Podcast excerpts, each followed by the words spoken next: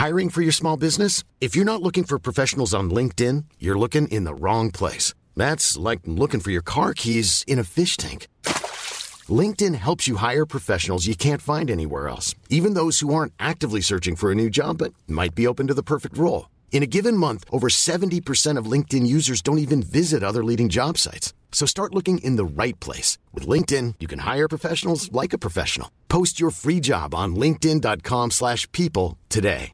Many of us have those stubborn pounds that seem impossible to lose, no matter how good we eat or how hard we work out. My solution is PlushCare.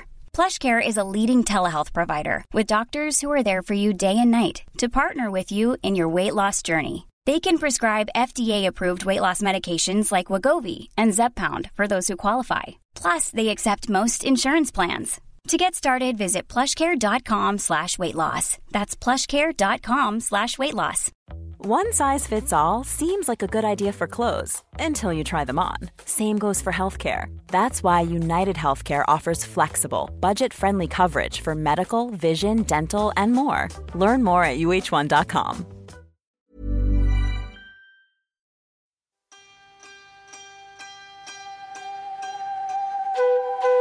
I det här som jag stör mig på, finns det någonting i det här som jag egentligen tycker är ganska fint med min partner? Hej och välkomna till Psykologsnack, podden där vi pratar om psykologi, psykisk hälsa och psykiska besvär. Vi som har podden är legitimerade psykologer och jag heter Åsa. Och jag heter Ulrika. Förra veckan så pratade vi om kärlek under småbarnsåren med eh, Susanna Tagesdotter Hagstrand. Och Susanna är ju aktuell med boken Växa tillsammans, att ta hand om relationen under småbarnsåren. Och det här är då del två av det avsnittet. Så för dig som inte har lyssnat på del 1 i den här serien och vill veta mer om varför just småbarnsåren kan vara tuffa mot relationer, lyssna gärna på det första avsnittet. Och idag ska vi vara lite mer lösningsfokuserade och gå in mer i detalj på hur man kan göra för att skapa förändring i relationen. Välkommen tillbaka till Psykologsnack Susanna. Tack! Kul att vara här igen. Ja, och lyssnare som har följt podden ett tag har ju säkert hört talas om begreppet acceptans i tidigare poddavsnitt. Och även du Susanna tar ju upp acceptans i din bok. Och för alla som inte känner till det, vad exakt menas med det begreppet? Kan du berätta lite mer kring just acceptans? Ja, i den parterapimetoden som jag jobbar med, då jobbar man ju både med att försöka förändra de relationsbeteendena hos en själv som inte funkar, men också mycket med acceptans för ens partners olikheter, alltså gentemot en själv. Och då brukar man säga att acceptans, det är inte att liksom resignera eller ge upp eller eh, liksom vara passivt eh, sura eh, och liksom acceptera någonting i vredesmod eller så. Utan det handlar mer om ett aktivt val, att liksom förhålla sig på ett annat sätt till sin partners olikheter. Eh, så det kan till exempel handla om att mm, när ens partner gör på ett visst sätt som eh, som i vanliga fall brukar irritera en, att försöka tänka på ett annat sätt kring det eller kanske bemöta det på ett annat sätt med mer acceptans och förståelse än tidigare. Mm. Första gången jag stötte på begreppet acceptans då kunde jag bli lite provocerad av det. Varför är acceptans så viktigt? Ja, det, så det är många som blir provocerade av, av acceptans. Man tänker, ska jag verkligen ska jag liksom tolerera det här eller ska jag bara stå ut med det här? Men det handlar inte riktigt om att tolerera eller stå ut, utan det är lite mer en, en ehm, utifrån ett positivt sätt att försöka liksom vad ska man säga, öppna upp för att när man inte längre försöker förändra hur någonting är, utan mer okay, accepterar hur det är, vad kan jag göra nu när det är så här? Så brukar man få mer möjligheter. Man blir inte lika låst vid en viss lösning. Som till exempel jag, eh, men ett par som eh, de kanske konstant bråkar om att den ena eh, är mer slarvig och den andra är mer noggrann och kanske återkommande bråk om det, så kanske det skulle kunna vara en väg framåt att istället acceptera att man är lite olika. Den ena glömmer en del saker, den andra mer koll. Det kanske är så det kommer vara. Kanske inte behöver ha en återkommande konflikt om det eh, varje vecka eller så. Så att ge upp kampen lite så att man slutar liksom pressa ner en, en fyrkantig kloss i ett runt hål. Ja men exakt, för det finns ju många saker som inte går att förändra så lätt Där mm, vi har till exempel lite olika personligheter, olika behov, eh, olika förutsättningar. Vi har också olika bakgrund, olika liksom, eh, uppväxt som kan göra, eh, som inte kan förändra liksom, vad vi har med oss, utan där behöver vi mer acceptera. Det här har jag med mig, det här har jag lärt mig från tidigare. Sen så är mycket såklart kan man jobba på förändring, men jag tror att också många par kommer till terapi för de har försökt förändra väldigt mycket. Men liksom, en del saker förändras inte. Då behöver man liksom lära sig hur man kan göra på ett annat sätt kring det. Då kan man i alla fall hitta en acceptans kring att så här kan vi inte ha det. Det här duger inte. Ja. Mm. Nu kanske ni, du sa det, jag var ju tvungen att tassa upp här och eh, distrahera våra små assistenter, två hundar som är med oss under inspelningen idag. Men kan det finnas liksom några hinder när det gäller liksom acceptans eller kan man ha några rädslor kring att ja, men, tillämpa och öva på den här acceptansen?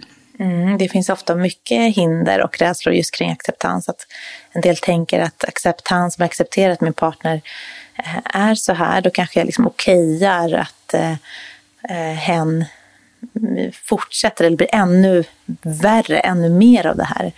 Men det brukar inte vara så med acceptans. Utan det brukar ju snarare bli att ens partner då hittar, eh, ja men kan faktiskt bli mer motiverad att förändra sig när den, ens partner accepterar hen som hen är. För det är ju någonting som vi ofta vill bli av vår partner, att vi vill bli accepterade. Så att få det av sin partner är ju eh, en stor upplevelse.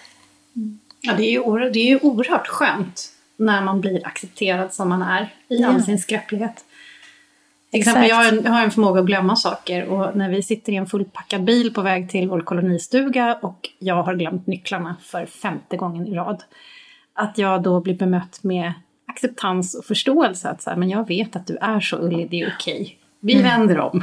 Ja. det är otroligt eh, mm. skönt. Det är verkligen en kärlekshandling. Ja, det är det. Det är det verkligen. Mm. Så ja, fint exempel på det där. Mm. Att det är liksom att du kommer inte komma ihåg nyckeln oftare för att eh, din partner skäller på dig. Utan det kanske bara är så att du är glömsk med nycklar.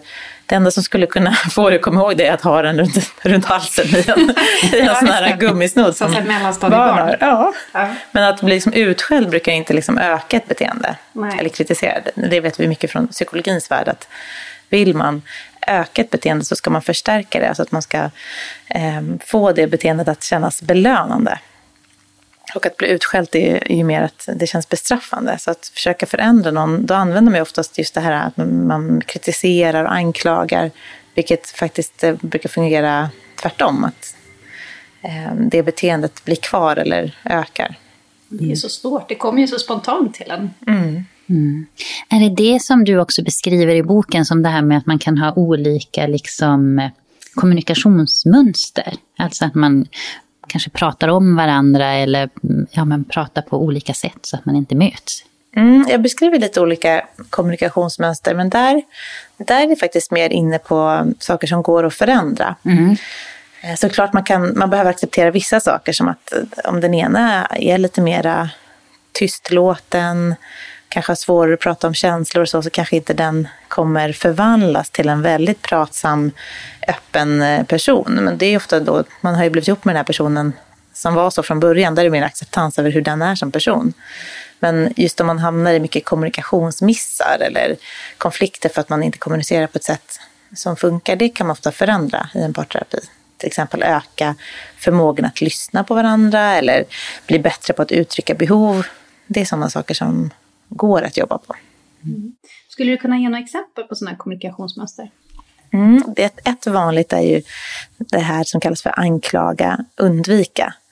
Och det är ju att den ena då eh, kanske egentligen känner sig ledsen eller sårad eller besviken men uttrycker sig väldigt hårt och blir anklagande. Den andra går då i försvar, eh, antingen då går till motattack eller börjar undvika eh, den här personen eller bli undvikande i kommunikationen.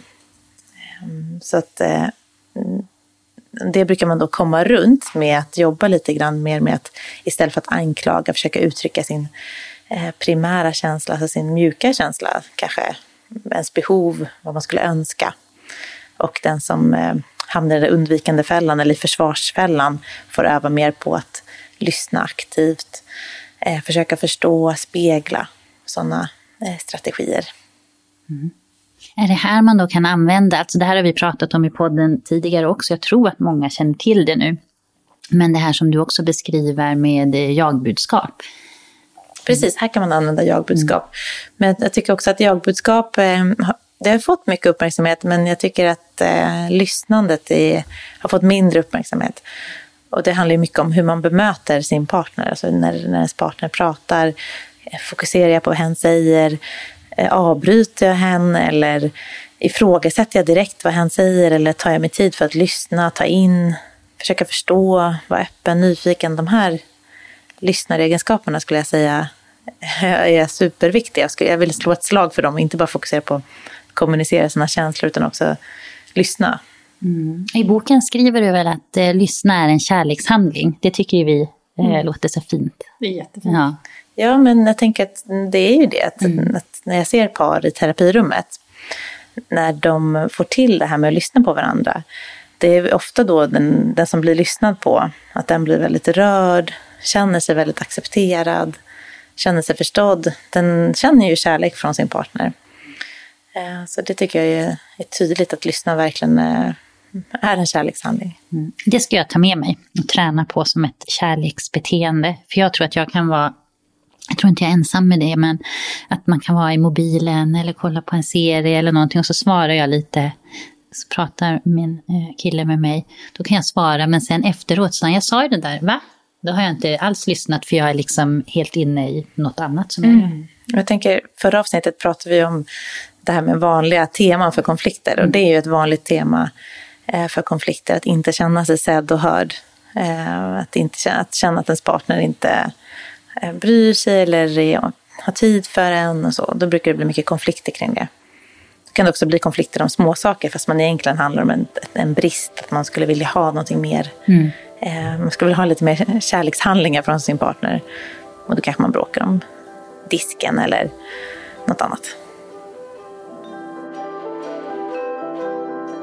Om jag nu som vill träna på det här då med att lyssna mer aktivt, eh, finns det någonting som, som jag och andra med mig, och som kanske paren som du träffar får med sig, alltså kan man öva upp den här förmågan på något vis? Ja, det går eh, väldigt bra att öva, för du kan öva egentligen eh, i alla dina relationer, alltså på jobbet eller med dina barn eller med dina föräldrar eller kompisar. Och första steget som man brukar prata om det är att man ska rikta sin uppmärksamhet mot den som pratar. Så lägga ifrån sig mobilen, kroppsspråk, liksom vända sig mot den man lyssnar på, eh, ögonkontakt. Och sen så den viktiga saken där är att också göra sig lite nyfiken och öppen för det man kommer att höra. Så att försöka släppa lite sina föreställningar om vad partnern ska säga, utan vad, vad, hitta sin nyfikenhet. Eh, så det går att öva på det. Sen så går det också att öva på att när ens partner har pratat klart, att istället för att direkt liksom lägga till sitt eget perspektiv, mer stanna kvar lite i det partnern har sagt. Kanske reflektera lite kring det, eller spegla det som det kallas för då till exempel. Okej, okay, så jag hör att, eller förstår jag rätt att det var väldigt jobbig dag idag på jobbet. Det låter, det låter tufft. Istället för att direkt säga någonting om sitt eget jobb eller någonting. Så det går ju också att öva upp. Kan det verkligen räcka då att bara sätta ord på den andras känslor? Jag tänker att, att lyssna, att börja där med att liksom rikta sin uppmärksamhet, visa nyfikenhet, kanske mm, stanna kvar lite i det den andra berättat. Det, är en, det kan vara en väldigt stor förändring för par som bråkar mycket och direkt kanske avbryter varandra när de pratar. Ehm, sen så längtar ju ofta par också efter att bli bekräftade, alltså bli förstådda och bli eh, ja, men bemötta utifrån det man har berättat. Eh, men så ibland räcker det med, med liksom enbart att lyssna på det här sättet. Men eh, många vill också se en förändring i, i beteenden eller så för att det ska kännas eh, helt bra. Mm.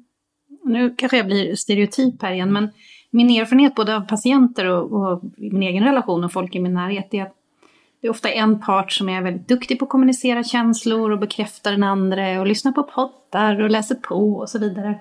Men den andra har kanske ett totalt motsatt mönster. hur kan man nå fram till den andra om den personen sluter sig och kanske inte har förmågan? Mm. Och inte lika mycket träning i det här med att kommunicera och bekräfta.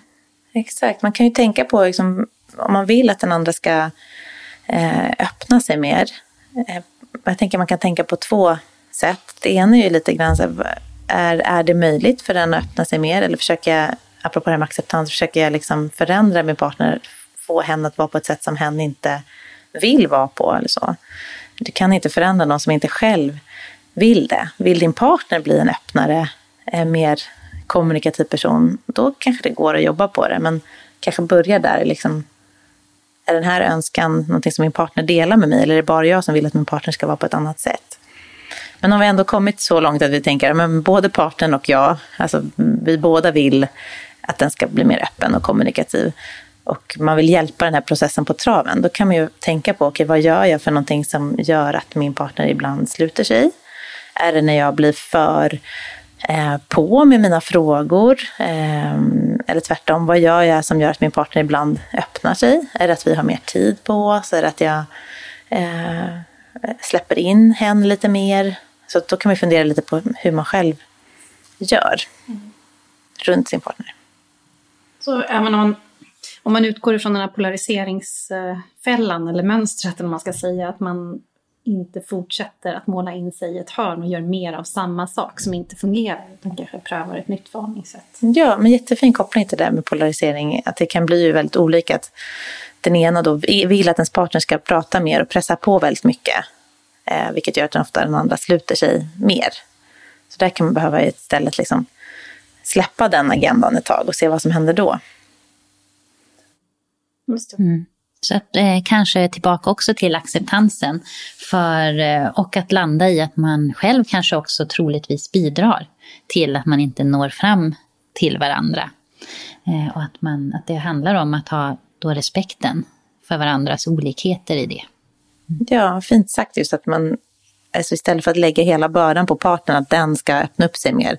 Hur, hur påverkar jag min partners möjlighet att öppna upp sig? Mm. Det är ju en bra vändning på det.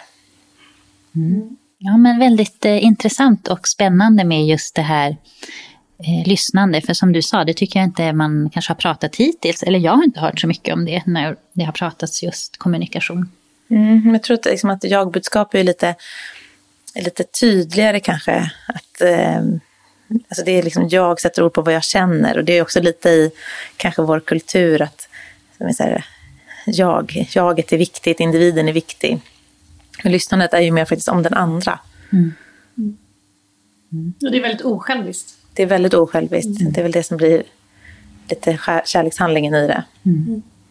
Gud, när det gäller eh, jagbudskap har jag ett kul exempel. Nu är det några år gammalt. Jag tror jag har nämnt det i något tidigare poddavsnitt.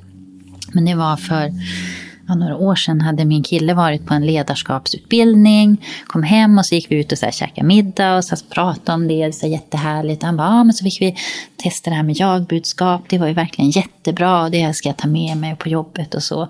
Jag bara, gud det är jätteintressant, jag både föreläser jag om på jobbet och visst är det, åh, vart så glad över det. Han bara, gör du? Han bara, det märks inte här hemma. Stackars barn.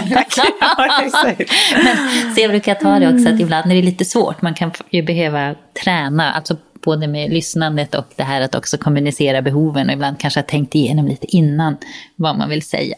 Mm. Ja, och vi är ju mänskliga, det kommer ja. inte alltid gå vägen och vi kommer, vi kommer kritisera och inte vara så snälla alla gånger. Men man kan i alla fall ha som, som målsättning eller en riktning, eller en värdering att man så ofta som möjligt i alla fall vill hamna där. Så kanske man glömmer emellanåt, och det är ju mänskligt. Mm. Och, men, och jag tror att vi alla har varit där när det blir alltså helt fel, man kanske säger saker som, som man inte menar och så ångrar vi oss eh, efteråt. Och att då behöva kunna säga förlåt, tänker jag. Mm. Alltså att kunna reparera en konflikt skulle jag säga också är en sån där en viktig faktor för att kunna vara i en längre relation eftersom det kommer, det kommer vara saker som går fel. Man kommer att eh, såra varandra ibland. Och att, att, ja, jag träffar ibland par som eh, har varit tillsammans länge och det har hänt många saker i deras relation tidigare och de har inte då haft den här förmågan att reparera utan det har blivit mer som, som eh, ja, man har bara lagt locket på och gått vidare eller det har blivit R från det. Det har inte blivit liksom läkt och man märker att relationen fortfarande påverkas av det. Att i konflikter så tas det upp eller eh, det finns hela tiden en liten distans mellan parterna. Så jag tänker att kunna säga förlåt men också att liksom kunna ta emot förlåt, att förlåta den andra. Superviktiga eh, beteenden för att kunna vara nära på lång sikt. Mm. Och räcker det med att bara säga förlåt eller behöver vi göra något mer? Men det finns ju en fin metafor där att, att um, om du har haft sönder någons fönster så räcker det inte med att bara ge blommor och säga förlåt utan du ska ju helst också vara med och hjälpa till att laga fönstret. Jag tycker den är, är fin som syftar ju också på det här vad händer när fönstret är trasigt? Kan man hjälpa till och um, bygga ihop det? Mm. Och såklart inte ha sönder fönstret igen. Mm. Ja, helst. Vad fint. Mm. Och jag älskar att du i boken har med ett stycke som heter Föräldrar som hånglar. Mm. Just ordet hångla låter ju så tonårigt och jag vet, jag vet inte hur jag skulle välja riktigt där, men jag tyckte det var ändå kul att damma av hånglandet. Ja, jag tycker det var underbart och kastas genast tillbaka också till så här, i alla fall min egen tonårstid och så här instängd på tonårsrummet, eh, hånglandes, kom ut lite rufsig i håret, narig om munnen till middagsbordet. Hej, hej. Underbar bild. Det var långt hångel. Underbart.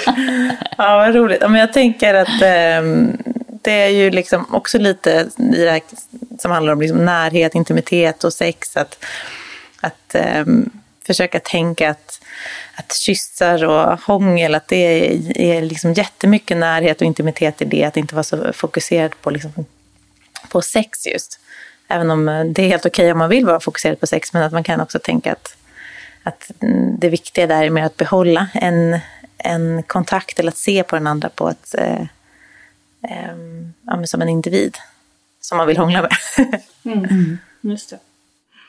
Jag tror att du också skrev som något litet exempel där i boken som jag också tyckte var så här fint, alltså hur småbarnsföräldrar då kanske i sin vardag kan få in mer närhet, alltså inte just kopplat till sex, men jag tror att det var exempel att, så här, att gå till parken och där kan man stå nära varandra, eller att hitta den typen också av beteenden som förstärker kanske vi-känslan och intimiteten. Ja, precis. Det var ett exempel från ett par som eh, jag jobbade med som hade väldigt eh, ont om eh, alltså barnvaktsmöjlighet och så. Eh, och vi pratade lite om det här med eh, partid, alltså hur ska man få till det att vara ett, bara ett par och inte liksom vara föräldrar. Och de hade inte så mycket möjlighet till det helt enkelt, för de, eh, när barnen hade somnat så sov de inte så, så liksom länge, utan barnen vaknade hela tiden. Så det, blev inte, det gick inte att ha liksom date night riktigt hemma. Men då kom de på, eh, att, eller vi tillsammans kom på att man kunde prova lite att, att skifta fokus när de är till exempel i lekparken. De hade ju såklart koll på sina barn, men kanske kan också vara lite intresserade av varandra där eller stå nära varandra. Att det, behöver inte vara, det kommer inte vara på samma sätt som innan barn, eh, mm. men det kan vara på något sätt. Kanske kan hångla i parken. Exakt, mm. lite föräldrahångel där i lekparken. Det låter ju underbart. Man skulle bli glad om man såg det faktiskt. ja. Ja, men än en gång stort tack för att du ville gästa oss. Och vi kan ju varmt rekommendera din bok Växa tillsammans, att ta hand om parrelationen under småbarnsåren. Och kommer den förresten ut som ljudbok? Det jag vet jag faktiskt inte, men den finns ju som e-bok i alla fall. Just det. Mm. På typ Storytel eller mm. något sånt. Ja. Um, och i förra avsnittet avrundade vi också med att fråga om du hade några liksom tips, någonting att ta med sig. Om vi tänker nu på det här temat lite mer så här, vad ska vi säga, lösningarna, vad man kan göra åt om man hamnar i, i liksom utmaningar och problem i relationen. Så är det någonting du vill skicka med till lyssnarna från dagens avsnitt eller så? Mm, jag tänkte lite på det här med acceptans som kan ju vara lite svårt att veta hur, hur gör man det. Jag tänker att ett sätt man kan börja med det är att försöka tänka att det här på de här sätten som min partner är olik mig, Ehm, finns det någonting, eller det jag brukar kalla, finns det någon guldbotten i det? Finns det någonting som eh, du faktiskt tycker är fint och bra med det? Till exempel den här slarviga parten, men det kanske är att den eh, har väldigt många järn i elden och det är egentligen någonting jag tycker är attraktivt. Eller eh, den här personen som är eh, så noggrann så vi verkar bli störd på att den är så noggrann. Men kanske är jag egentligen följd för att den har så bra koll på grejer och är strukturerad och får saker gjorda. Så att försöka liksom, i det här som jag stör mig på, finns det någonting i det här som jag egentligen tycker är ganska fint med min partner? Hitta guldbotten mm. i ens olikheter. Det låter jätte, jättefint. Mm. Um, och om man som lyssnare är intresserad och liksom komma i kontakt med dig eller så, var hittar man dig då? Jo, det finns på Instagram på mitt namn då, Susanna Tagesdotter Hagstrand.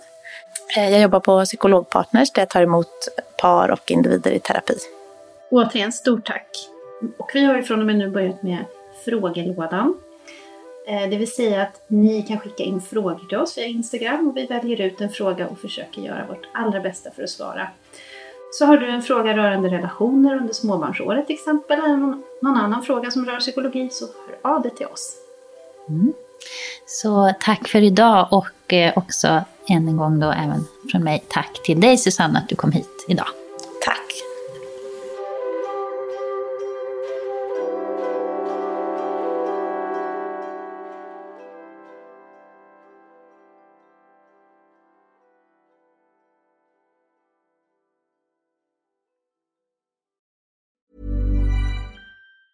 Hey, folks, I'm Mark Marin from the WTF Podcast, and this episode is brought to you by Kleenex Ultra Soft Tissues your ally to help tackle your allergy symptoms this season. I love the change of seasons, but nobody loves pollen and all those other things floating in the air that make you sneeze during this nice weather. Kleenex Ultra Soft tissues are hypoallergenic and allergist approved. So fight back against watery eyes and runny noses without worrying about irritating your skin. For this allergy season, grab Kleenex and face allergies head on.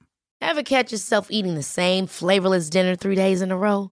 Dreaming of something better? Well, HelloFresh is your guilt-free dream come true, baby. It's me, Gigi Palmer. Let's wake up those taste buds with hot, juicy pecan-crusted chicken or garlic butter shrimp scampi. Mm. Hello Fresh. Stop dreaming of all the delicious possibilities and dig in at HelloFresh.com. Let's get this dinner party started. Imagine the softest sheets you've ever felt. Now imagine them getting even softer over time. That's what you'll feel with Bowl and Branch's organic cotton sheets. In a recent customer survey, 96% replied that Bowl and Branch sheets get softer with every wash. Start getting your best night's sleep in these sheets that get softer and softer for years to come. Try their sheets with a 30-night guarantee. Plus, get 15% off your first order at bowlandbranch.com. Code BUTTERY. Exclusions apply. See site for details.